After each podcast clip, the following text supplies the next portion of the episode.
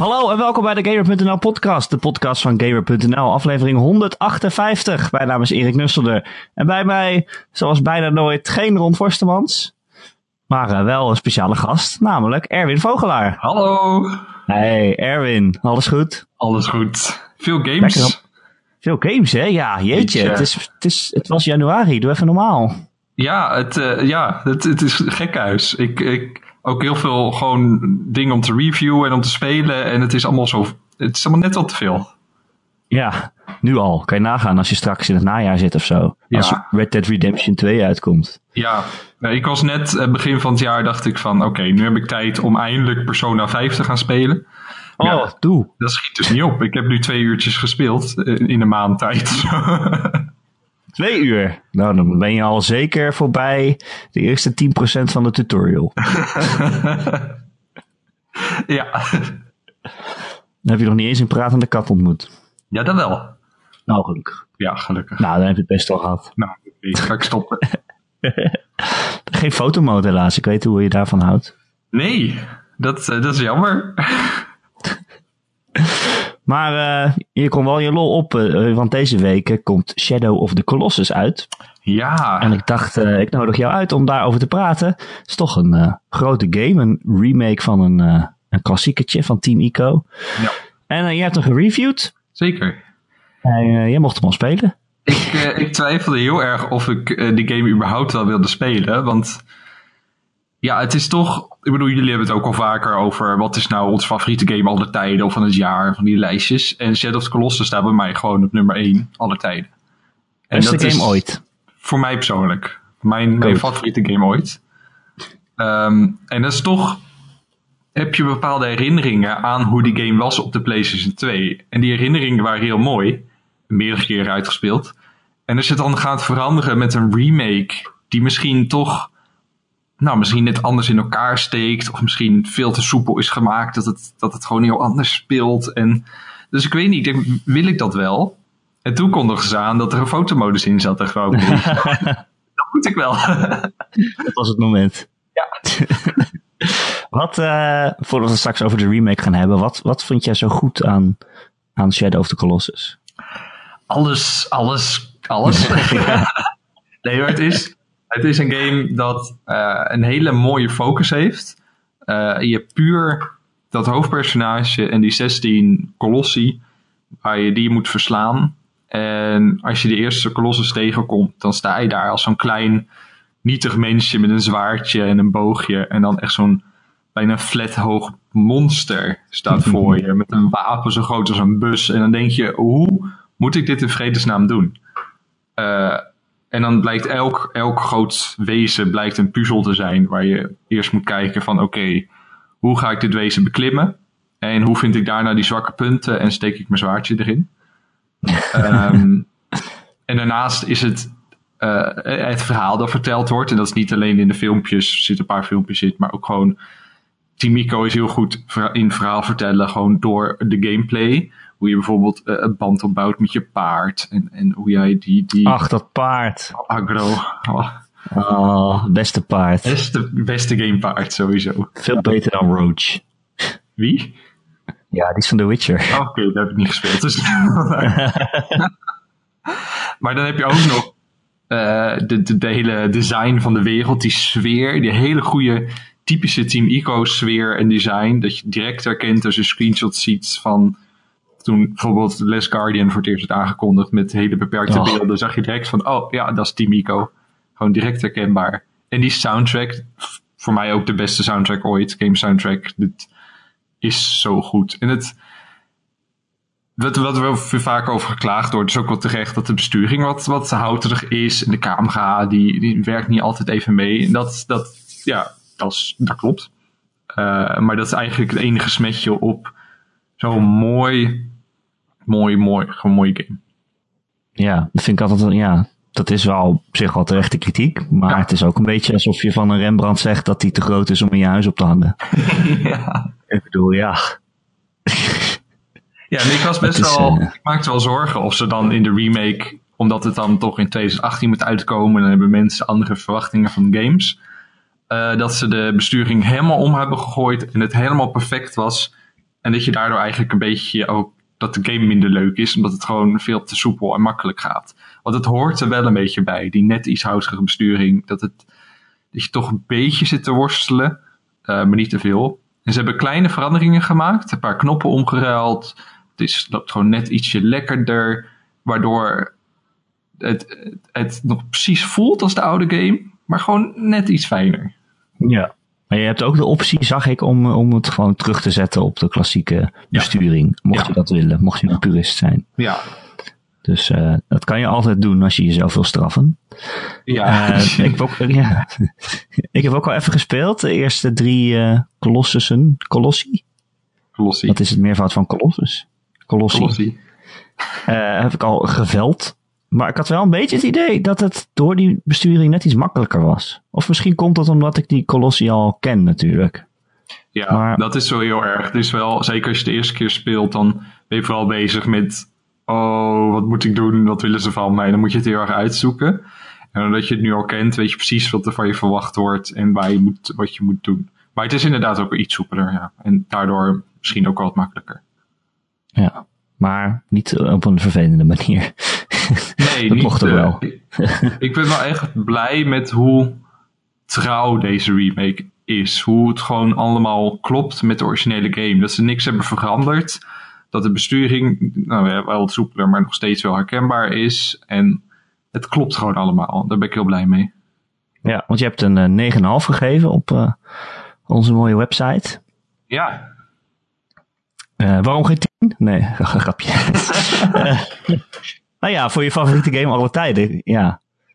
Ja, maar het, mijn persoonlijke favoriete game alle tijden. Ja, precies. Dus je moet ja. er toch een beetje objectief naar te kijken ook. Van, ja, en als ik zijn dit- ook ruzie in de podcast en zo. Moet je ook niet hebben. Precies.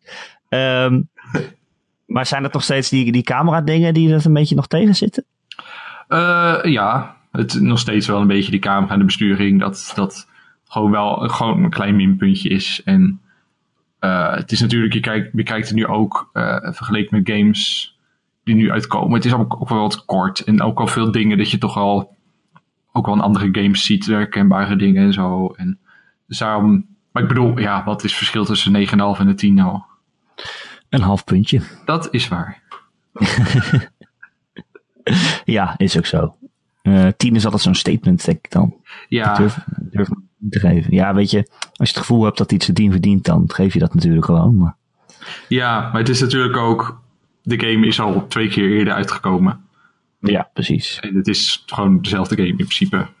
Maar ja, zitten er nog veel extra's bij of zo? Heb je nog eh deluxe super edition eh, commentaar of zo, of wat dan ook? Nou ja, je hebt de fotomodus. en Die is echt Ja, insane. Maar die is echt goed. Je kan op elk moment kun je dus gewoon, eh, doe je de de D-pad naar onder. En dan kom je in de fotomodus. En dan kun je allemaal filters kiezen. Je kan het zelf nacht laten worden. Je kunt de kleurenbalans veranderen. Je kunt de camera draaien. Je kan de focus aanpassen. En echt goed hoor. Dat echt, Ja. als, je, als je dat leuk vindt, zoals ik, dan, dan, dan kun je gewoon de game twee keer zo lang. Want dan zit Ja. je constant van, oh, hier moet ik een foto maken. Oh, hier een foto van maken. En dan ga je telkens die camera ronddraaien voor de beste punt. En eh, de goede filter kiezen. En net de kleurbalans ietsje aanpassen. En, ja, dan blijf je wel een tijdje bezig. Maar waar maak je dan een foto van? Want ik, eh, ja, ik, ik, ik kom daar nooit zo in. Dan sta ik ergens en dan doe ik die fotomodus aan en denk ik, ja, oké, ja, het is, het is eh, mooi, maar Nou, het, Ja. Hetzelfde als, als in het echt als je foto's maakt. Je ziet iets dat je denkt van, oh, dit is een cool eh, beeld. Een mooie compositie of een mooie kleur. En dan, dan ga je nog net wat aanpassen om net een wat originelere eh, invalshoek te, te pakken of zo. En net mooi dat het, dat het goed, eh, het, dat- dat je die, die, die, die achtergrond en de voorgrond en dat het allemaal perspectieven. En dat is gewoon heel leuk om mee te spelen. Ik hou ook heel erg van gewoon om echte foto's te maken. En dit is gewoon foto's maken in, een, in, in de gamewereld. nou ja, cool. Ehm, ja, nou, wat ik zei, ik heb ook al even gespeeld en Ja. het valt me echt op hoe mooi ze die game hebben gemaakt. Ze hebben het echt helemaal vanaf het begin opgebouwd, hè? Ja, het is echt insane mooi. En ik heb zelf geen, geen eh, 4K TV of een eh PS Pro. Oh. Dus dat is wel jammer. Daarom recenseer ik ook geen, geen remasters. Maar nu als de remake denk ik van nou, het is ook gewoon op de normale PlayStation 4 in een HD-TV is het ook insane mooi. Ja, maar ik vind het ook echt knap ehm, hoe ze dat gedaan hebben, Bluepoint dan. Want Team Ico zelf heeft er niet aan meegewerkt, geloof ik, hè? Uh, nee, voor zover ik weet niet. Nee, maar dat ze dan toch... Kijk, Shadow of the Colossus is natuurlijk echt een, een kunstwerk. En het gaat heel erg om de sfeer die, die de game met zich meebrengt. En, en het gevoel. En ja, je hebt een hele grote wereld, maar er is eigenlijk niks in. Ja. Uh, maar als je dat gaat remaken, als je aan zo'n kunstwerk komt, en dan ga je natuurlijk toch dingen toevoegen. Je staat in een, in een oude ruïne in het begin, nou daar zitten nu allemaal tekeningen op de muur en veel meer begroeiing en zo.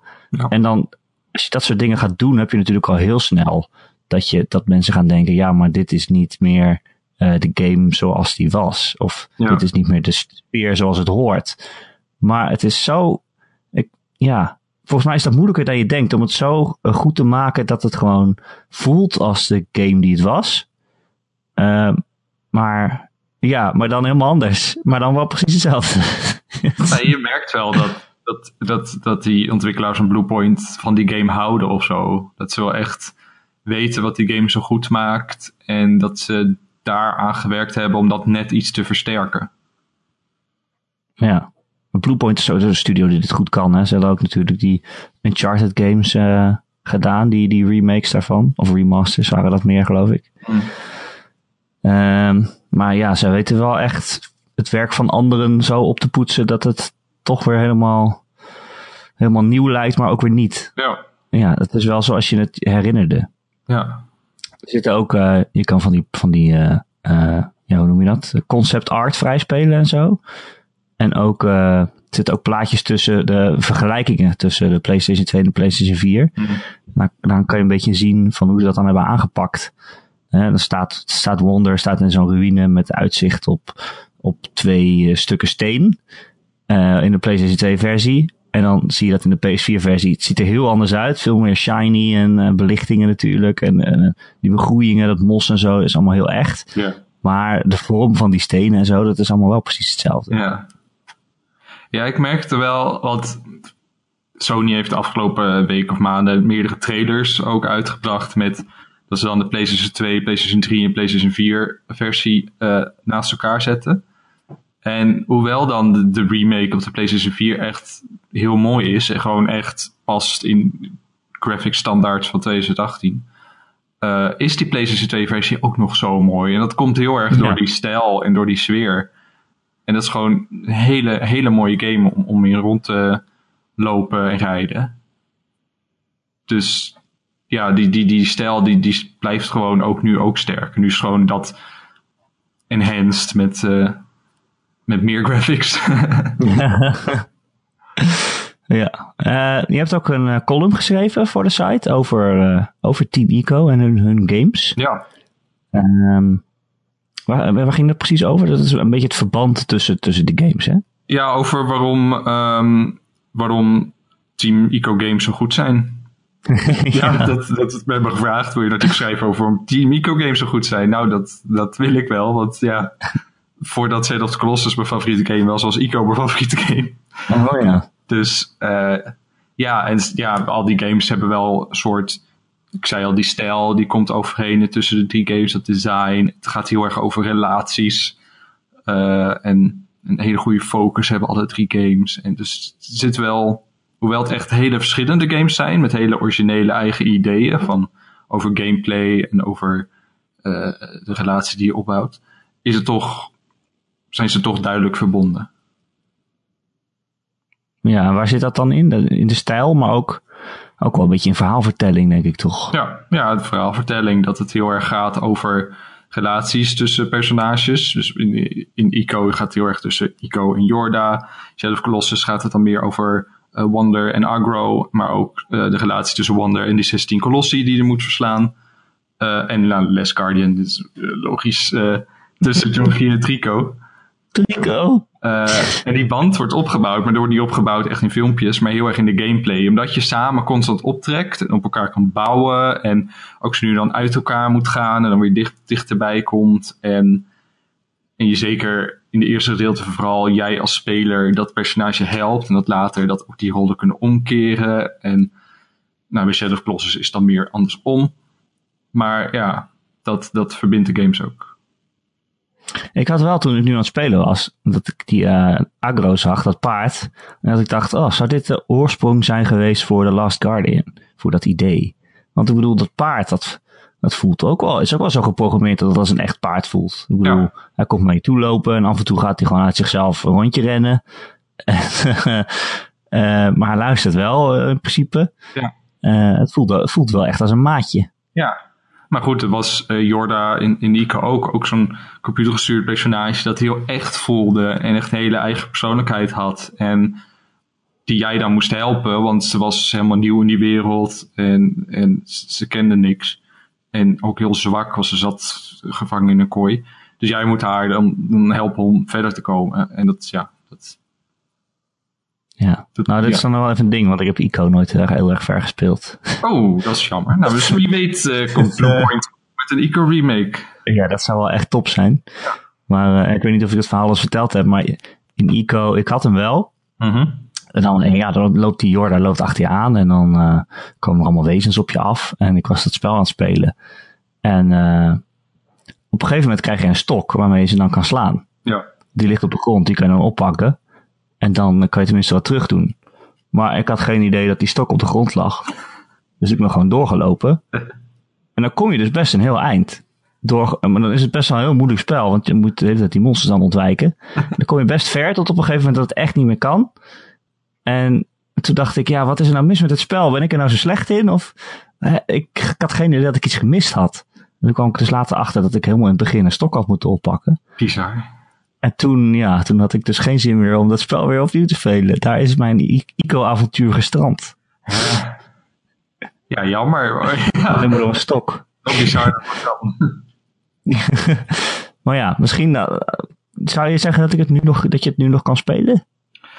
Eh, ja, het is wel minder goed uit geworden dan Shadow of the Colossus. Eh, Hmm. Ook vooral door de besturing en zo. Eh, ik zou gewoon wachten op de remake. Ja, als die komt. Als die ooit komt. Als die ooit komt. Laten we het hopen. Andere games, Erwin. Ik bedoel, Shadow of the Colossus komt natuurlijk deze week uit. ja, Maar ondertussen is iedereen hard bezig met Monster Hunter World. Ja, over grote beesten vermoorden gesproken. Ah ja, nou dat heb ik wel bij die Colossus hoor. Dat ik denk, eh, dat is best wel zielig. Ja, dat is het. Ja, maar dat is... Ja. Zeker in die PlayStation vers- 4 versie zijn ze zo mooi. Precies, het is alleen maar zieliger geworden. Ja, en dat is ook moeilijk, die relatie ermee. Van, en je vindt ze gewoon heel mooi en imposant. En aan de andere kant, ja, ze moeten ook dood. En elke, elke keer als je er eentje dood gaat, het hoofdpersonage, raakt ze ook iets van zichzelf kwijt. En dat gaat ook steeds kutter. En dat het is, het is heel complex. Ze hebben ook heel mooi haar trouwens. Oh. Dat haar is wel echt fantastisch. Daar Ja. hou je dan aan vast en dan klim je zo naar boven. Ja, heel, heel... Het, het wappert alle kanten op. Net als echt haar. Ja, het danst. Het, da- het danst. En dan moet je eh, goed vasthouden. ja. Eh, anyway, Monster Hunter. Ja, nou ja, daar dood je tien keer dezelfde draak voor een nieuwe broek. Ehm, maar eh, ben jij een Monster Hunter eh, kenner? Mm, ik heb de 3DS-game gespeeld. Wel een tijdje. Die heb ik gewoon in mijn eentje gespeeld. En dat was mijn eerste Monster Hunter. En toen vond ik het best wel leuk eigenlijk. Ja. Ik had eerst altijd van, nou, dat lijkt me helemaal niks. Maar toen speelde ik die 3DS-versie. En toen, toen klikte het op een gegeven moment wel. Maar dat, bij deze, de Monster Hunter World, ik, ik weet nog niet zo goed. Oh jee. Ja, Is het eh, een moeilijke relatie? Ja, ik, ik wil al heel lang stoppen, maar dan ga je toch telkens weer even proberen, want je gaat weer met iemand spelen en dan. Maar ja, ik weet niet, Monster Hunter is heel erg. Je, je moet staan tegenover een, een, een groot monster, best wel moeilijk. Daar ben je nou, misschien een half uur mee bezig om het te verslaan. En dan krijg je een paar items. En dan kun je daar eventueel wat armor mee craften. Of je moet de monster nog een paar keer verslaan om, om, om de armor te pakken te krijgen. En dan denk je van, oh, ik heb nu een beter wapen of beter armor, nu ik sterker. Maar ja, dan staat er gewoon weer een nieuw monster klaar. En die is weer sterker. En dan begint het weer opnieuw. En dat is het hele... Dat is constant. Eh, de game zit heel goed in elkaar. Ik, het is echt gewoon een hele goede game. Heel veel systemen zijn eh, makkelijker gemaakt en minder gedoe. Ehm, en zeker als je gewoon met mensen samenspeelt, is het gewoon heel leuk om, om iedereen met eigen wapen, dat echt wel heel anders is. Om gewoon samen te werken en zo'n monster te verslaan. Uh, maar het is ook wel gewoon, het gaat allemaal zo moeizaam en uh, ik weet niet. Is het echt een grind? Ja, als je, het is op een gegeven moment dan, dan wordt zo'n monster wel heel moeilijk of zo. Dan is het wel slim om even terug te gaan naar vorige monsters. Om misschien wat te grinden voor items voor betere wapens en armor. Uh, maar als je veel samenspeelt, dan moet je ook al vaak. Dan, dan help je iemand een hoger level worden. En dan speel je automatisch al die oude dingen opnieuw. En dan, dan ben je gewoon bezig met samenspelen. En dan krijg je die items ook. Uh, dus ja, het, het, ligt een beetje aan hoe je speelt. Nou ja. En speel je veel met mensen samen?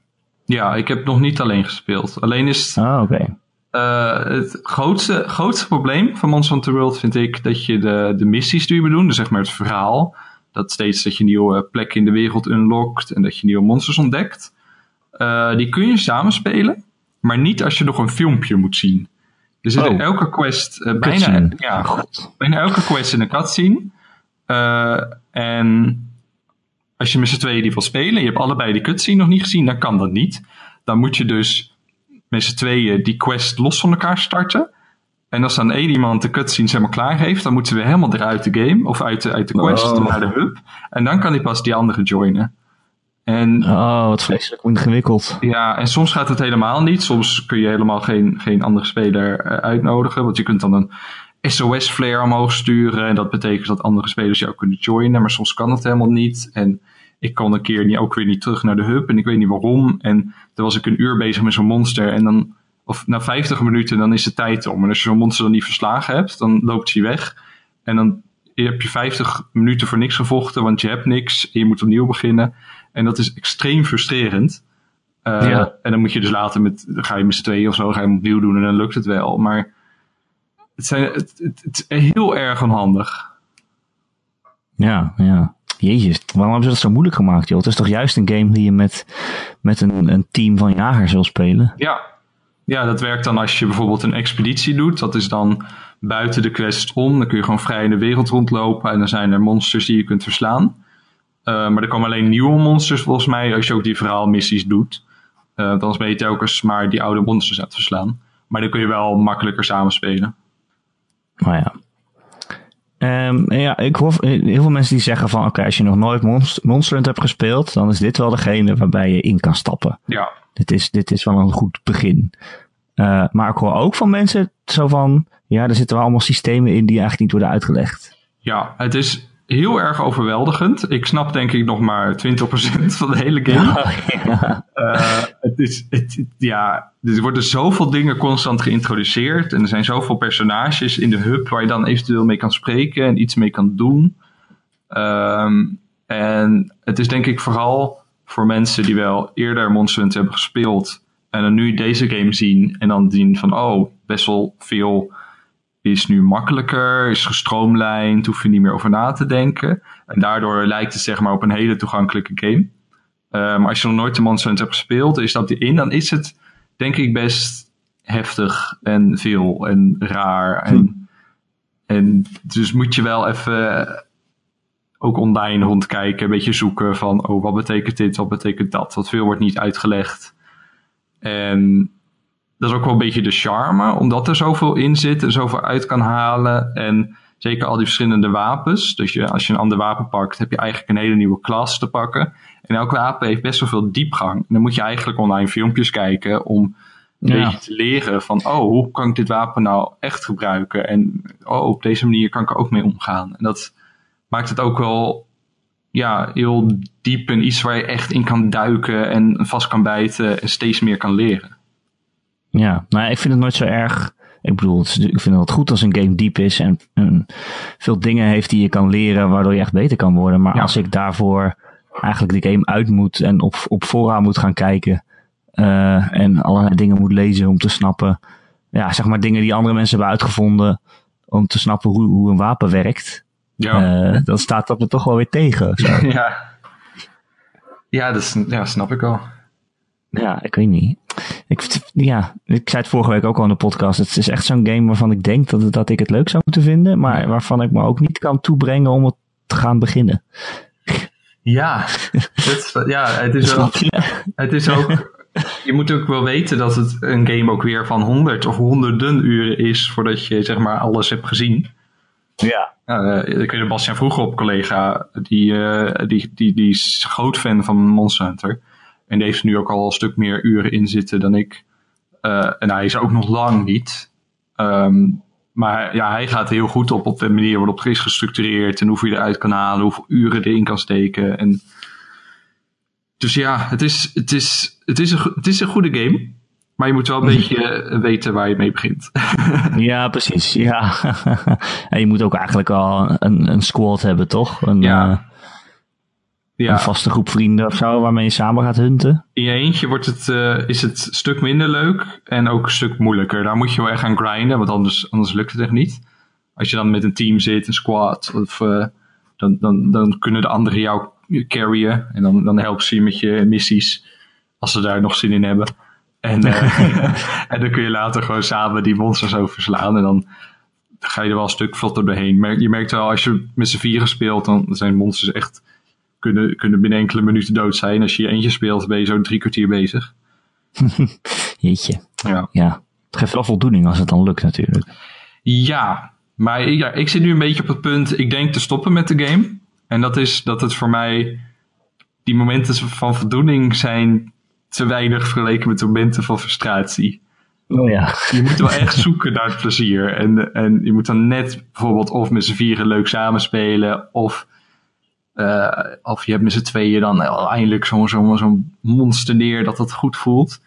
Maar daarbuitenom is het gewoon zoveel gedoe en gaat het zo moeizaam. Dat ik denk van ja, ik kan in die tijd dat dit me kost. Ik heb er nu denk ik ook al wel 15 of 20 uur in zitten. In die tijd had ik ook gewoon hele mooie ervaringen kunnen spelen die mij wel constant plezier leveren. In plaats van dat ik hier echt naar op moet zoeken gaan. Ja, precies. Nee, dat is ook zo. uh, ik wil nog één vragen, Erwin. Ja. Want ik zie overal van die plaatjes uh, voorbij komen. Wat is de deal met uh, die vreselijk schattige poezen in, in de pakjes? Leuk, hè? Oh. nou, dan moeten we even, even, beginnen bij de character creator. Oké. Okay. Je kan een poes zijn. De game heeft een insane uitgebreide character creator. Ik ben een uur bezig geweest met mijn menselijk personage. In de game zag hij er toen opeens niet meer uit, want het is een groot verschil tussen de character creator en de game zelf, dat opeens een stuk leuker is. maar dat terzijde. En dan ben je net klaar met de mens en dan kan je opeens een kat maken. Uh, ik heb een, je hebt een kattenvriendje en die is altijd bij je. En die kun je ook helemaal customizen en helemaal maken. Kun je je eigen kat namaken bijvoorbeeld. Dat doen heel veel mensen. En ook de naam van je kat geven. Oh. En dat tijdens het vechten, dan, dan is, staat hij bij en helpt je met vechten en helpt je met healen. En het is super cute. Je kunt hem ook allemaal pakjes aandoen en nieuwe wapentjes geven. En als je in het water zit, dan zit hij op zo'n heel klein opblaasbootje en dan roeit hij zo langs. Echt waar? Het is zo cute. maar is hier een, een, uh, een, een lore-achtige verklaring voor? Of is het gewoon, oh ja, je hebt ook nog een schattige kat? Want het is nou helemaal een Japanse game, dus er zit rare shit in. Uh, ik weet het niet. Ik heb het verhaal echt. Ik skip elke tekst die erin zit. ik, ik, weet, ik, weet het allemaal niet. Uh, in ieder geval niet de IDS-games zaten ze ook al. Had je ook al oh, okay. Dus het is wel echt onderdeel van, ja. van deze game. En ik denk ook wel de lore. De, de kok in deze game is ook een kat. En die staat ook gewoon bij de besprekingen over wat we nu gaan doen. Ik weet ook niet waarom. Maar, maar... kunnen ze, ze kunnen praten? Nee, dat, dat hebben we niet. Oh, oké. Okay. Ja, ofwel. Nou, ik weet eigenlijk kan die kok niet. praten? Ze zeggen wel, er staat dan... Ze, ze miauwen gewoon qua geluid. Maar dan tijdens gevechten staat er wel zo'n tekstje van... Oh, mijn miauwster needs help. Maar oké, okay, dit is dan even de vraag. Gisteren speelde ik samen met uh, iemand en toen was een random andere speler. En toen praatte zijn kat opeens Duits. En dat weet ik ook niet. Waarschijnlijk een Duitse speler en dan zie je die teksten gewoon van hoe diegene het speelt blijkbaar. Maar goed. Oh, wat grappig. hey, maar dan zit even de vraag, hè. als die katten je vriendjes zijn. Ja. En er is dus kennelijk ook een dorp met katten die dan banen hebben en zo. Die zijn een kok bijvoorbeeld. Nee, er zit gewoon in de hub zit een, er zijn, de katten zijn de koks. Oh ja, nou bijvoorbeeld, nou ja. Maar ze zijn dus wel slim. Ik bedoel, ze kunnen koken kennelijk. Ja. En je helpen. ja. Maar, maar zijn er dan ook, zijn er wel katachtige monsters? Nee, alle monsters zijn meer dinosaurussen en draken en zo. Oh, oké. Je, je, dus niet dat je dan ineens een tijger sloopt en dat die kat dan denkt, hé, hey, dat is een soort kannibaal geworden. Wat, wat doe je miauw? het is een catastrofe.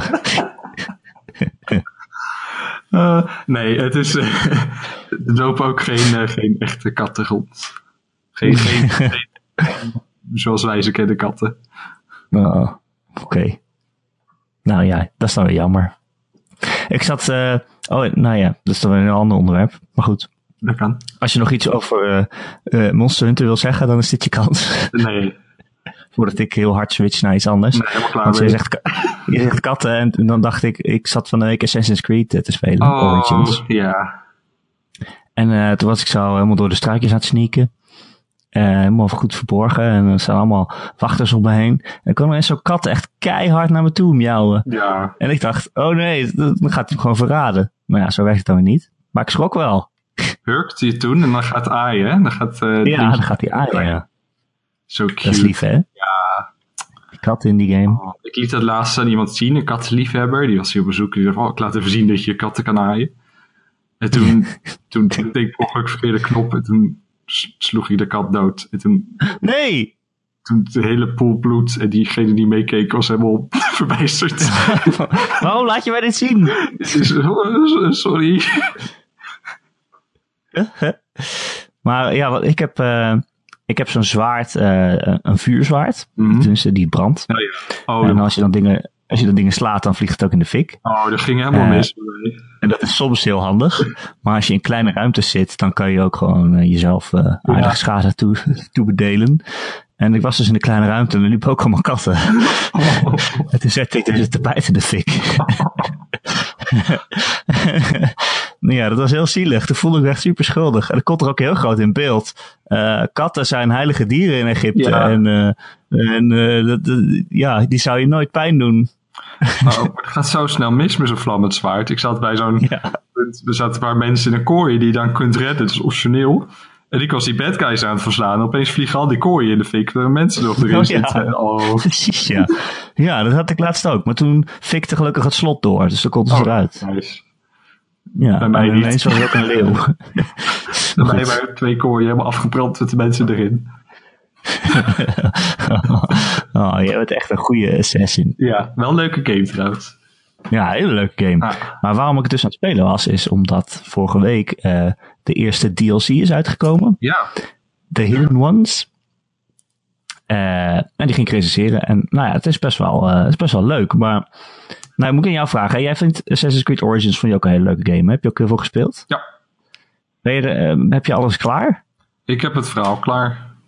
Ja, en de sidequest en zo? Ja, ja, niet alles, maar wel aardig wat. Je moet toch ook wel een beetje uplevelen en zo.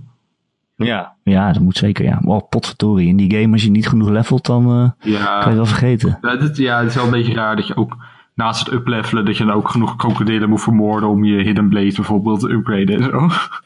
Ja, maar ja, als je dat niet doet, ja, dat is inderdaad stom. Dan steek je je Hidden Blade in iemands nek en dan is hij niet helemaal dood. Ja, dat is toch raar? kan toch niet? Maar goed, nee, dat vraag ik omdat eh, eh, die DLC, de Hidden Ones, dat is eigenlijk gewoon meer Assassin's Creed Origins. Ja. Het is een nieuw stuk, Ja. een nieuw stuk kaart, een nieuw stukje verhaal en een nieuw stuk met eh, ja, het soort missies wat eigenlijk ook wel in het hoofdverhaal zit. Eh, en dan eh, rijst een beetje de vraag van ja, hè, die game zit al zo vol met, met dingen. Die kaart is zo groot. En ook nadat je het verhaal hebt uitgespeeld, zijn er nog zoveel zij, zijmissies te spelen. Die allemaal heel interessant zijn. Ja. Dat als je dat nog niet allemaal af hebt, waarom zou je dan eh, die DLC kopen of spelen? Eh, Ja, Dat is het een beetje. Nou ja, je hebt een nieuw stuk kaart, je hebt nieuw stuk eh, nieuwe zijmissies. Maar ja, het verhaal is wel. Het, het is wel leuk om te zien hoe het verder gaat, zeg maar. ja want de Eh. basisgame vind ik het einde ik wel een beetje raar en plots of zo. Ik bedoel, ik vond het thema of het idee van het einde vond ik wel goed. Hoe het afronden. Maar hoe je dat qua gameplay deed. En Oh. dat vond ik daar. Oh, ja, ik zit net ineens weer te denken aan een beetje het, het, het einde van het verhaal. Eh, ja, nou ja, ik wil niet spoilen of zo, maar het is wel weer de echte Assassin's Creed lore die ineens om de hoek komt kijken. Waarvan je denkt, als dit je eerste Assassin's Creed is, dan denk je toch, wat de fuck gebeurt hier allemaal? Ja. Ja, ik weet niet of het echt een spoiler is, maar eh, ik vond het gewoon raar dat je, je speelt he- bijna de hele game met Bayek en ook al met, ah ja, maar dat je het, eind, het spel niet eindigt met Bayek. Het, het eindigt met een ander personage. Eh, en dan word je opeens weer teruggedropt met- Bayek en dan kun je gewoon weer verder met het verhaal, kun je al die zijmissies weer doen en de DLC doen en zo. Eh, dus daarom was het een beetje een, een, een raar einde. Dus snap ik wel, zeg maar, dat, het, dat mensen het verhaal verder willen spelen. Of zo. Ja. Nou, het is ook wel leuk, want dit speelt zich dus af eh, vier jaar na Origins. Oké. Eh, dus het is wel echt een vervolg. Het is niet zo van, oh, er is nog een stukje tussendoor. Ja. Ehm, en het is wel grappig om te zien eh, hoe, die, hoe die Brotherhood zich een beetje ontwikkelt. Ja. Hè? Want Origins gaat natuurlijk over het oprichten van de Assassins. Maar ja, als je Origins begint, dan zijn er nog geen Assassins. Dan is Ja. nog helemaal niks. En nu, in die vier jaar tijd, zie je een beetje dat ze een beetje aan het worstelen zijn met, oké, ja, we moeten dan bureaus opzetten, weet je wel, zoals die in andere Assassin's Creed's hebben. Ja. Eh, ja, we moeten leden zoeken, we moeten, ja, we moeten bedenken wat we nou eigenlijk gaan doen een beetje en hoe we dat gaan aanpakken. Ja. En eh, dat is wel grappig om te zien. Dat is natuurlijk wel iets wat je je afvraagt. Ja, dus zeker voor de lore junkies, eh, die moeten dit spelen. Ja. Ja, precies. Nou ja, de lore. Meer het verhaal van, van, van Bayek natuurlijk. Als je, dat, als je dat verder wil weten. Want er zit helemaal niks in over het heden. Ja, nee, maar. dat, oh, dat ik snap ook niet waarom ze dat nog doen hoor. Dat, dat hele stuk ging ergens over. Oh, ja. Nee, weet je? Ja, nee, ik snap wat je zegt. Dat je speelt natuurlijk Assassin's Creed voor de historische shit. Ja, Maar ik vond, ik vond dat verhaal in het heden altijd heel leuk.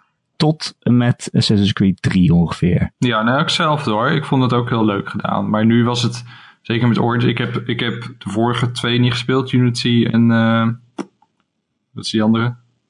Londen. Eh, Syndicate. Syndicate. Ehm, dus ik weet niet hoe het daar was, maar ik vond het hier gewoon, gewoon vervelend. Dat je echt net lekker bezig was en dan werd je eruit gegooid en dan moest je weer even een stukje in het heden spelen. En dan is het gewoon een beetje eh, niet zo'n leuk stukje. En dan hoop je dat je snel weer terug kan. Nee, ik snap ook niet dat, dat, ze, dat Ubisoft niet gewoon een keuze maakt voor of, of het wel te doen of het niet te doen. Ik bedoel, Ja. zoals ze het nu doen, kunnen ze het beter weglaten. Ja. Maar ik vond het verhaal altijd heel leuk. Ik bedoel, het einde van Assassin's Creed 2 vind ik nog steeds zo'n mindfuck. Eh, Ja. daar heb ik de nachten van wakker gelegen om daarover na te denken hoe, de- hoe dat in elkaar zit. Ja, en het hele verhaal van Desmond was gewoon wel leuk om mee te maken. Ja, maar dat eindigt in 3. Ja, is het erg als ik Assassin's Creed 3 ga spoilen? Nou, ik hoop dat niemand die ooit nog gaat spelen. Dus. nee, zeker niet. Maar het eindigt met dat Desmond zichzelf opoffert. ja. eh, en dan komt die kwaadaardige eh, godin vrij. Eh, die dan hè, in eerste instantie de Solarflare tegenhoudt. Maar ja, ze is wel vrij en ze is, ze is evil en ze wil de wereld overnemen. Eh, maar daarna komt hij helemaal niet meer terug. Tenminste, ze is nog steeds vrij, neem ik aan, in het plot van het verhaal. Ik geen idee. Zal. Maar eh, ja, in, in- ja, en in Black Flag eh, zat ze een beetje in de computer. Maar het verhaal gaat nooit meer verder. Omdat, ze, omdat heel veel mensen gewoon klagen dat ze dat heden eh, spul het, het minst leuk vinden. Ja. Dus dan denkt Ubisoft, oké, dan doen we daar zo min mogelijk van in. Maar ja, ze hebben er nu zo weinig van in dat, dat het eigenlijk niks meer doet. Dat je het net zo goed weg kan laten. Ja. Is zo. Ja. Wel een hele goede fotomodus, deze game ook. Oh ja, is dat zo? Heb jij foto's eh, met dat je katten aan het aaien bent? Zeker. Ik heb foto's dat ik een kat aan het aaien ben. Dat ik, ik, heb, ik heb zoveel foto's van dieren. Ik heb een hond, een kabeel, een paard, een geit, een schaap. Eh, ik heb bijna met alle dieren heb ik een foto gemaakt. Een heel al- album met eh, alle dieren van de zes. Poesiealbum? En voor voorspel heb ik nog, eh, toen ik de game al eh, uitgespeeld had, heb ik nog foto's gemaakt van mensen die seks hebben. En dan kun je dan net om een hoekje Oh, kijken of, of over een muurtje heen. En dan met die fotomodus en dan kun je overal gluren. Maar is dit zo? Hebben ze seks in die game? Ja, heb je mijn artikel niet gezien? Zeker wel, maar ik speel, eh, ik speel verrassing, zodat jij nu verder kan vertellen.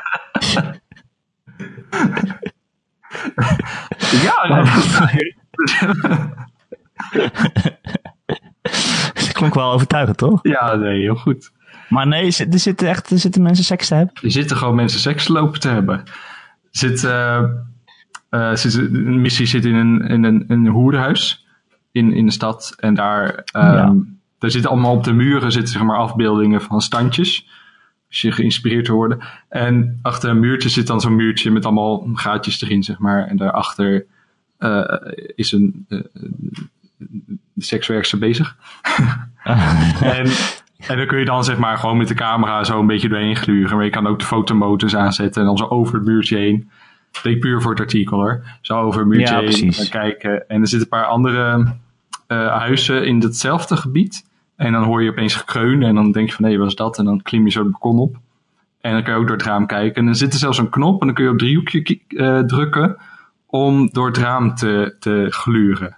En er zit Oh, echt? het ene huis is een orgie gaande, het andere huis twee mannen bezig. En dan kun je zo Oké. dan kun je Bayek laten gluren. Ja, dat zit gewoon in. Press triangle to gluur. Ja, De gluurbuur. Ehm, maar is dit een 18-plus game dan? Ja, ze houden wel allemaal hun kleren aan tijdens de seks. Dus het is Oh. natuurlijk wel voorzichtig. Ja, je moet het wel veilig doen. Oké. Eh, maar heb jij nou zoiets van, oh, ik ga die DLC ook nog spelen? Ik weet niet. Misschien ooit als die eh, in de aanbieding is of zo. Ik ben nu alweer even klaar met, met Assassin's Creed. En eh, ik ga ook weer uitlenen. Dus ik kan niet met anders mee bezig. En als ik er weer terug heb, als het in de aanbieding is, kan ik misschien wel weer teruggaan. Ja. Ben jij geïnvesteerd in het verhaal van Bayek en Aya? Ja, wel redelijk. Ik vind het wel een heel leuk duo. Het is gewoon een goed geschreven stijl. Dat schreef ik ook in het artikel. Ehm, gewoon een goede relatie hebben ze met z'n tweeën. En ze zijn beide ook los van elkaar hele leuke personages. Dus ja, dat eh, vond ik wel goed gedaan. Ja. Nou, je kan altijd een keer als die Season Pass in de aanbieding is of zo.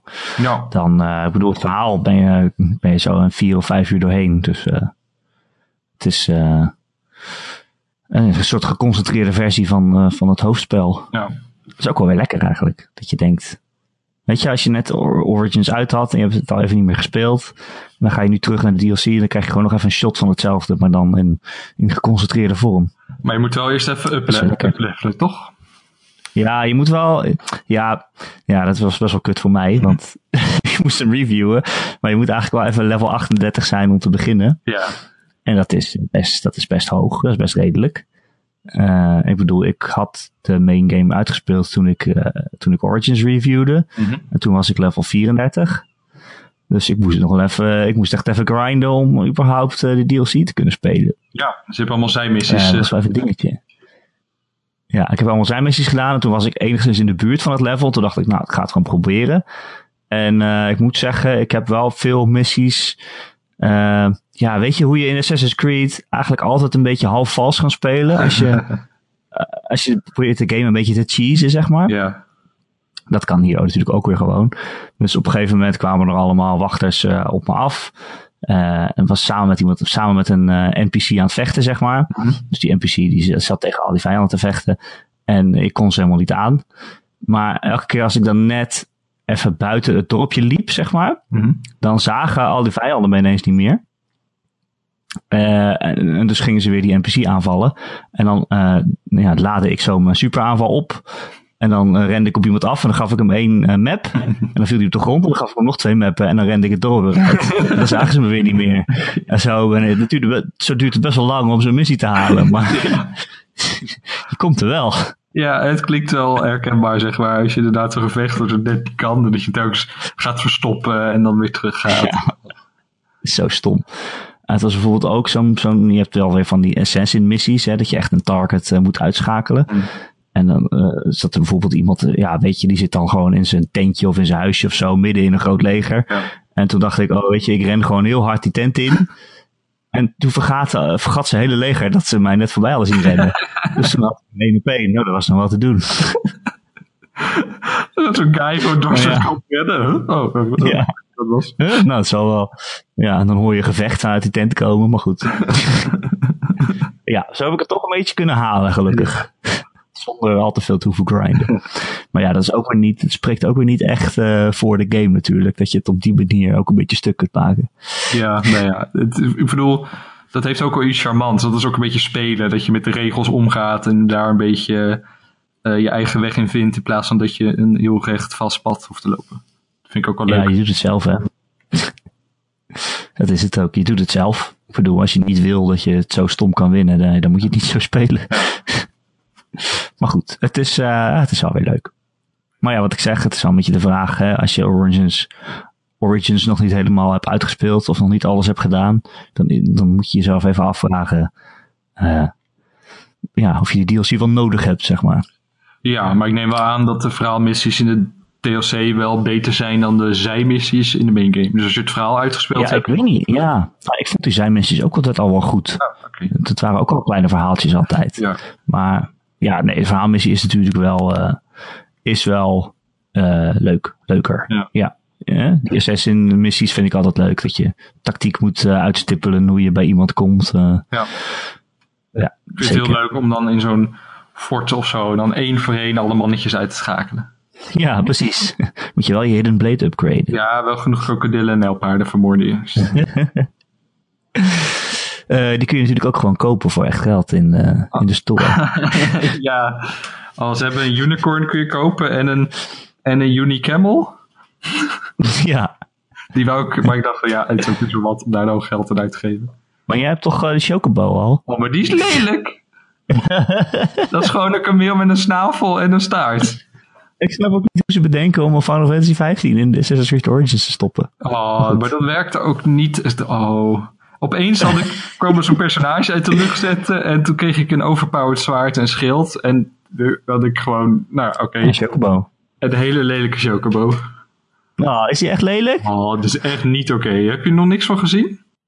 Nou ja, het, het zag er een beetje uit als een chocobo met paardenbenen of zo. Ja, het is gewoon een kameel met, met, uh, met de snavel erop geplakt en, en, en een gele staart. Maar krijg je het liedje erbij? Dat is de vraag. I want to rap met chocobo. All day. Of moet je een ander liedje? Dat, nee, dat, dat zei ik inderdaad. Dat, dat is een chocobo liedje. Ik op de chocobo reed, toen zong Bayek dat inderdaad. Oh, echt? Serieus? oh. Nee, maar ik wel. ja, precies. Maar ik had hem heel snel weer weggedaan. Ik vond hem echt te lelijk. Ja, nee, ik snap het wel. um, hey, maar Erwin, zoveel hey. games in uh, januari. Gekhuis. Maar de beste game hebben we het nog niet over gehad. Oké. Okay. Monster Hunter? Het is uh, Celeste. Oh. Oh. Hey. Hey. Goeiedag. Huh? Ik zal niet zeggen dat ik aan het meeluisteren was. Maar dat is wel zo. En ik hoorde Erik zijn oh, hey, tijdens de, tijdens de Chocobo passage. Maar goed, dat is wel. Hoi Ron. Waar kom jij nou weer vandaan? Um, uit bed. Goedemorgen. Wat een verrassing dat Ron er ineens ook is. Ja, hallo allemaal. Welkom in de podcast. Hoe is het Ron? Heb je lekker geslapen? Ik heb elf uur achter elkaar geslapen. Wat iets mij doet denken dat dat oh, nodig shit. was. Maar uh, ja, ja. normaal slaap ik niet zo heel lang uit. Uh, zeker niet in dit huis, waar ik veel licht in mijn kamer heb. Maar um, in mijn slaapkamer. Maar um, ja, we zijn er. Je hebt alle games gemist, Ron. Wat zei jij, Erik? Sorry? Ik zei, je hebt alle games gemist. Ja, kut. Je mag het alleen nog op hebben. Ah, oké. Okay. Nou, ik ben benieuwd wat jullie ervan vinden, want ik heb mezelf ook gespeeld. Oh ja? Ja, maar heel, heel kort. Want Monster Hunter World oh. eet al mijn tijd op. Maar ik ben wel benieuwd wat jullie ervan vinden. ik vind Celeste heel erg goed. Ik vind het een uitstekende game. Het is, uh, ja, het is zo'n 2D-platformer. Maar dan een uh, hele moeilijke. Uh, zeg maar meer zoals Meat Boy of zo. Nee, hoe heet die game? Super ja, Meat Boy. Super Meat Boy. Maar dan ja, ook weer niet zo moeilijk als dat. Maar ja, ja, weet je, je kan springen. Je hebt, je hebt een dash in de lucht. Die kan je één keer per sprong doen. En je kan tegen een muur aanklimmen. En, of tegen een muur aan hangen dus. Dat zijn eigenlijk de drie dingen die je kan doen. En daarmee maakt het spel hele moeilijke en uitdagende levels. Die echt echt onmogelijk lijken af en toe. En enorm frustrerend kunnen zijn. Maar ook op een goede manier. Dus het zijn vaak levels van of ja, levels niet eens echt. Het zijn vaak stukjes van één scherm waar je dan doorheen moet komen. En als je dan begint, dan denk je elke keer, ja, dit is, dit is onmogelijk. Nu, nu kan ik stoppen met het spel, want dit ga ik nooit meer halen. En dan een minuut later, na tien keer proberen of zo, denk je, oh oké, het moet gewoon zo. Het is toch wel te doen. Dus elke keer opnieuw weten ze het zo goed te maken. Ik heb nog geen één keer gehad dat ik echt dacht, oké, maar dit is oneerlijk. Uh, het is altijd heel moeilijk, maar overkombaar. Uh, en het is gewoon heel fijn. Het is zo'n fijne game. Want naast dat het gewoon een heel moeilijke platformer is, is het ook een heel mooi verhaal uh, over ja, verdriet en depressie en eenzaamheid. En dat had ik helemaal niet verwacht. Want als je alle, alle gameplay van, van deze game bekijkt, dan denk je, oh ja, weet je, het is een super moeilijke platform, maar super leuk. Maar als je dan gaat spelen, dan zit er nog veel meer achter qua, qua thematiek. Uh, ik, vind, ik vind het een heel bijzonder spel. Waarom, wat vind jij? Super Meat Boy met verhaal is niet per se iets waar je denkt behoefte aan te hebben. Ja, nee, het is, ik vind het niet echt Super Meat Boy. Want Super Meat Boy is gewoon, weet je, dat is een grappig tekenfilm karaktertje, uh, personagetje, sorry. Uh, die op zoek is naar een pleistervrouwtje. En, uh, en je met een stuk vlees dat af en toe per ongeluk in, in de spiezen springt en dan ontploft hij of zo. Maar dit is veel sfeervoller. En het is ook wel wat, wat toegankelijker. Het is niet zo, het is niet zo te gek moeilijk als Super Meat Boy, vind ik. Oké. Want dat was echt soms echt dat je dacht, nou, ja, je, ja, ik geef gewoon op. Deze, deze kan ik niet. Uh, maar dit is wel, uh, dit is elke keer wel overzichtelijk. Ik bedoel, je moet al vaak tien keer proberen en het gaat heel vaak fout. Uh, maar ja, je herstart dan zo direct dat het ook niet erg is. Want je kan gewoon meteen verder. En je weet ook precies wat je fout hebt gedaan. Ja, maar nee, het is veel sfeervoller dan eh, ja, Meat Boy is echt een soort van grap of zo. Ja, het is wel echt een leuke game, maar het is wel een grap van, ah, het is een stuk vlees op zoek naar een, naar een pleister.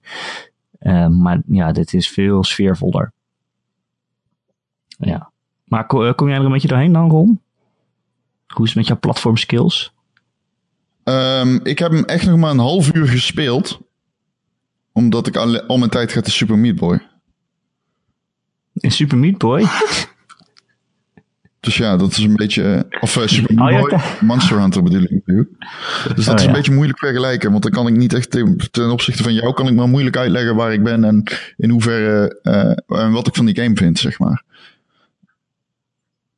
Ja, nee, dat snap ik. Maar jij hebt al wel het platformer gezien dan toch? Ik bedoel, dan heb je al wel al je. Uh, dan heb je al wel redelijk moeilijke stukjes gehad, denk ik. Ja, dat is wel waar. Het is niet alsof het makkelijk begint. Nee, nee, nee. Maar wat ik al zei vorige week van, ik heb echt enorm veel zin in deze game. En ik, nadat ik er het allereerste gifje van zag, was ik al verliefd. Dus uh, ik ga er zeker met heel veel plezier in duiken. Maar ik vind hem tot nu toe nog niet dodelijk moeilijk. Nee, oké. Ja, misschien ook nog niet. Nee, dat is, beginnen ze natuurlijk niet direct mee. Maar nou ja, weet je wat het is? Die game is, uh, dat is ook wel heel knap. Dat je het zo moeilijk voor jezelf kan maken als je wil. Want uh, ja, gewoon het spel doorspelen is al best wel lastig. Maar er zijn ook allerlei geheimen te vinden. Je hebt collectibles, dat zijn uh, aardbeidjes. En uh, ja, er zitten er zo'n 20 per level of zo. En die, je kunt ervoor kiezen om die te verzamelen. En dat is echt, die zijn wel echt heel moeilijk. Dat zijn echt de stukken waar je echt, dat is meer een soort puzzel van hoe kom ik hier doorheen. Maar het spel zegt ook gewoon op een gegeven moment letterlijk tegen je van, hey yo, dit spel, je moet het wel, het moet wel leuk blijven. En uh, die, aardappel, die aardbeidjes zijn eigenlijk alleen om, uh, uh, om stoer te doen tegen je vrienden. En verder doen ze niks. Hm. Dus als je het niet leuk vindt om ze te verzamelen, doe het vooral niet. Dat, staat er gewoon, dat zegt het spel echt tegen je. dat vond ik wel heel grappig. en ja, af en toe zie je een aardbeidje en denk je, ja, hier begin ik niet aan. En af en toe denk je, oh, deze pak ik wel even mee. Maar ja, ze doen inderdaad echt niks. Het is gewoon een tellertje wat omhoog gaat. Ja. en je kan ook nog in elk level een uh, cassettebandje vinden. En dan krijg je een B-side van het, van het level. En dat is wel echt heel erg bizar moeilijk. Dat is een soort remix van het level wat je dan hebt uitgespeeld. Uh, maar dan uh, zeg maar de moeilijkheid op 20 gezet of zo. Dat is wel echt uh, niet te doen. Dus ja, maar ja, die hoef je niet te spelen als je gewoon het verhaal wil meemaken. dus ja, je kan het wel echt zo moeilijk voor jezelf maken als je wil uiteindelijk. Dus als je nog echt een uitdaging wil, Ron, dat komt echt nog wel. Nee, ik geloof je. Maar ik heb er zin in. ik heb er zin in. Ja. Dus, jij, Erwin, heb jij Celeste al op je uh, verlanglijstje staan? Die staat er zeker op. Maar ik heb eerst uh, Night in the Woods gekocht. Die is nu ook voor Switch oh. uit. Die ga ik eerst uh, spelen en dan komt uh, Celeste tot later. Oh ja, ik heb ze dus andersom uitgekozen. Die komt daar niet in, Night, Night, Night in the Woods. Nee? Ben je nee. aan het spelen? Ja, ik heb hem uitgespeeld. oh, je komt er niet in, maar je hebt hem wel uitgespeeld. Ja, nee, het is echt een hele moeilijke game in te komen. Ik heb hem eigenlijk het einde is wel tof. Er zitten een paar hele toffe dingen in die game, maar er zijn een heleboel dingen waarvan ik bijvoorbeeld vind dat Oxenfree ze veel beter doet. Uh, als je dan okay. hebt over zeg maar gameplayloze games. Ja, echt eigenlijk verhalende. Je, je, kiest wat je zegt eigenlijk alleen. Ja, ja, ja. Die game heeft wel meer uitgediepte personages, Night in the Woods. Um, dus ik denk dat het qua characterbuilding een stuk beter is dan bijvoorbeeld Oxenfree.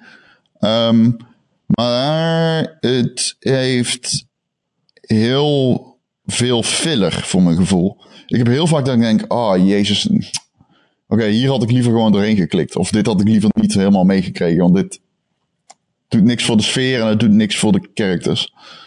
Dat vind ik, dat, dat, dat, dat zorgt er wel voor dat met name die eerste vijf uur echt zo zijn van, oké, wil ik hiermee doorgaan? ja. Het is wel echt een, uh, een game. Ja, ik hoor heel veel mensen die het of helemaal fantastisch vinden of er niks aan vinden. Dus het is wel een hele door love it game volgens mij. Maar toch zit ik een beetje nog op twee gedachten hoor, moet ik zeggen. Ja. Nou ja, we gaan het uh, aan Erwin vragen als hij er klaar mee is. Ik ben benieuwd. er zitten wel katten in die game. Nou, ja, zeker. Dat is wel een beetje de rode draad van deze podcast. de kat in mee. Ah, wat lief. Ja. um, we hebben nog uh, een kijkersvraag van uh, Koen. Koen die zegt, hoi Erik en Ron. Nou, gelukkig maar dat Ron dan ook nog eens dan. Uh, hij zegt bedankt voor de mooie podcast die jullie wekelijks afleveren. Is het een idee om een Gamer.nl podcast Slack te openen voor luisteraars? Ik zou meedoen. Oh jee, een, een Slack waarin al onze luisteraars zitten, Ron. Ik weet niet of het dat nou kan. Het kan een goed idee zijn. Het kan een goed idee zijn, ja. Uh, mijn vraag is de volgende. Ja, precies.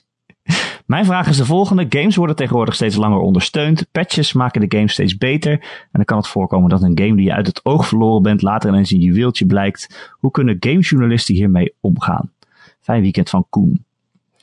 Uh, ja, dat is wel een vraag waar we het al eerder over gehad hebben natuurlijk. Ehm ik vind het altijd lastig, want je maakt een review van een game die in de winkel ligt. En hè, je geeft een koopadvies toch uiteindelijk uh, van hoe die game op dat moment is. Maar inderdaad, met patches wordt het dan soms weer beter. Maar ja, er is ook geen... Uh, we kunnen ook niet voor elke patch weer een nieuwe review schrijven. Want dat kost te veel tijd en geld. En er zijn ook te weinig mensen die dit allemaal willen lezen, volgens mij. Dat je bij elke patch weer de review gaat lezen. Uh, maar ja, als het echt heel erg anders is geworden, dan kan je een update schrijven. doen we ook wel eens, maar ook weer niet heel vaak. Nee. Maar ik weet niet, hoe doen jullie dat? Hou jij, houden jullie een game nog in de gaten als je hem gereviewd hebt? Ik ben het helemaal met je eens, niks aan toe te voegen. Nee, maar ja, je moet het wel in de gaten houden natuurlijk, want er komen zoveel patches uit. Ja, dat is wel lastig. Je gaat toch ook weer telkens door naar de volgende game. Ja. En dan, dan, ja, dan raak je die oude weer uit het oog. En ja, het is, het is inderdaad een goed idee om gewoon updates te schrijven. En dat zouden we ook moeten doen. Maar ja, het komt er eigenlijk gewoon zelden van. Ja, precies. Maar dan vraag ik me ook altijd af hoeveel mensen willen dat nou lezen uiteindelijk. Ja. Ik vraag me wel eens af, is het niet zo dat we games moeten gaan beoordelen op het moment dat, of in ieder geval niet alleen per se daarop beoordelen, maar dat we het moment waarop ze, zeg maar, breed verspreid zijn, waarop ze een groot deel, uh, uh, waarop ze meest effectief zijn, hoe moet je dat zeggen, waarop ze een impact maken. Uh, dat we op dat moment, zeg maar, de game moeten pakken.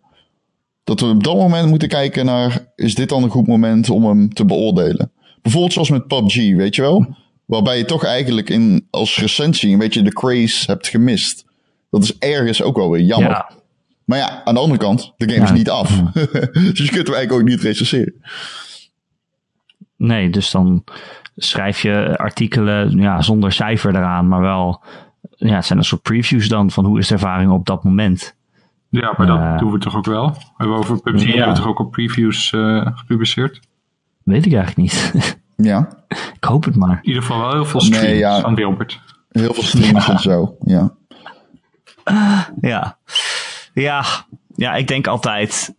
Maar ja, maar dat is nu met early access games natuurlijk wel ingewikkeld inderdaad. Maar ik denk van ja, op het moment dat, je, dat het in de winkels ligt en er wordt geld voor gevraagd. En dus zijn er heel veel mensen die overwegen, moet ik dit wel of niet kopen? En dan gaan ze even googlen of ze kijken op gamer.nl automatisch. Van oké, wat, wat is uh, de mening hierover? Ja, op dat moment moet je toch eigenlijk wel iets hebben. Of zo snel mogelijk in ieder geval. Je kan ook gewoon een, niet de game reviewer, maar gewoon zeggen dat het een early access review is. Van dit, dit is de game nu. Uh, dit vinden we ervan, dit krijg je ervoor als je het nu uh, geld aan uitgeeft. En dat je dan, als, als bijvoorbeeld de 1.0 versie uit is, of als die gewoon dus uit early access is, dat je dan gewoon een, een nieuwe review doet. Dan heb je de twee reviews. Ja, en als er dan een patch komt, 2.0, dan moet je er nog een schrijven. Ja, het kan. ja, nou je hoort het Koen, zo blijf je bezig. dat is wel een beetje het probleem. nee, maar ik denk dat het wel een idee is om zeker bij populaire early access games zoals PUBG, dat je dan een early access review doet. Moet best kunnen. Ja, ja precies. Ja. Uh, nou, dankjewel voor je, ja. voor je mail, Koen. Uh, we zijn ook een beetje aan het eind van de podcast. Uh, Ron, wil jij nog iets roepen? Hallo allemaal. Over Monster Hunter? Over Monster Hunter? Heb je nog monsterverhalen? Ja, ik speel heel veel Monster Hunter. Ehm. ik vind die game echt fantastisch. Ik heb veel op die game aan te merken, maar ik vind hem ook fantastisch. Dus ja, daar zink ik veel tijd in, at the moment. Nou ja, ik vroeg het net aan Erwin, maar kan jij, jij hebt ook nog nooit een Monster Hunter gespeeld, net zoals ik. Kan jij erin komen? Ik bedoel, snap jij dingen? Uh, de informatiedrop die je in het begin krijgt is wel zeer confronterend. Het voelt bijna als een fucking tekstsimulator af en toe. Um, ik, uh, ja, nee, ik bedoel, het is geen visual novel natuurlijk, maar in het begin ben je echt alleen maar venstertjes aan het wegklikken met informatie en tutorials. Uh, maar het is, het is in die zin een lot te take in. Alleen, um, ik, ik vond het toch wel aan doen. Ik, het was wel mogelijk om het allemaal in me op te nemen. Maar ik had ook wel heel erg door dat het ook essentieel was om het allemaal in je op te nemen. Anders moest je echt terecht bij de wiki en bij de YouTubers. En um, dan nog zijn er altijd dingen die je mist. Ik kwam bijvoorbeeld pas uh, na tien, na misschien wel iets langer, ik weet niet hoeveel uur spelen, 15 uur spelen of zo, achter waar ik mijn quests in moet leveren die ik gedaan had. Um, dat zijn van die dingen waar je dan opeens achterkomt en die had je gewoon veel liever veel eerder geweten. Maar ja, dat komt omdat je dingen leest en je slaat ze op, maar dan in tussentijd krijg je weer zoveel andere dingen te weten dat je het dan alsnog vergeet. in het begin.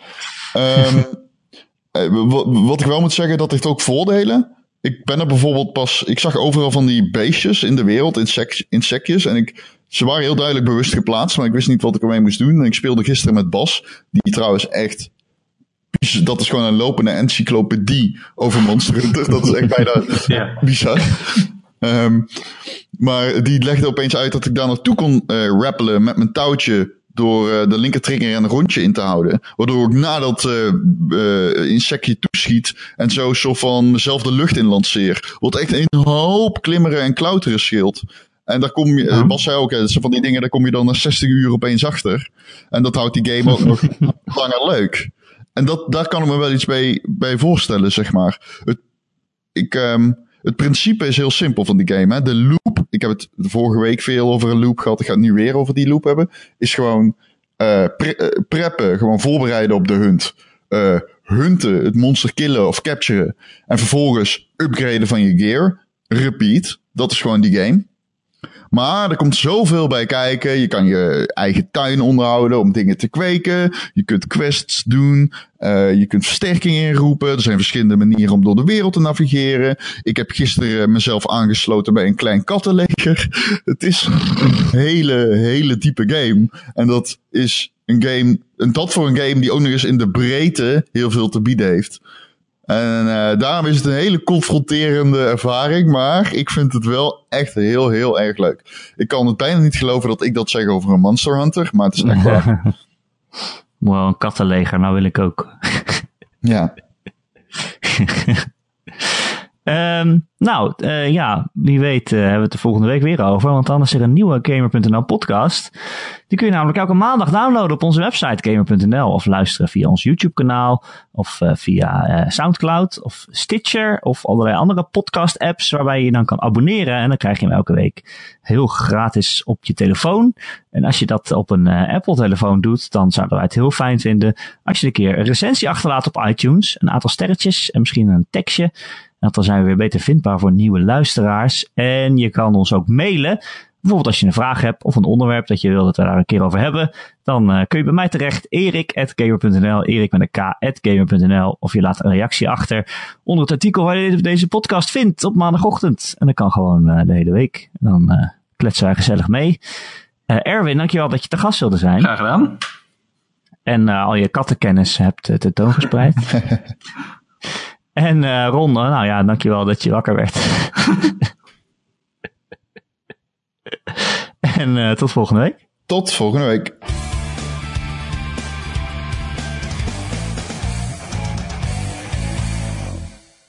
Hallo, welkom bij de Game.nl podcast, de podcast van Game.nl. wow, jij, jij kan ook goed hosten. Ja, doe, doe, doe voor de eerste keer.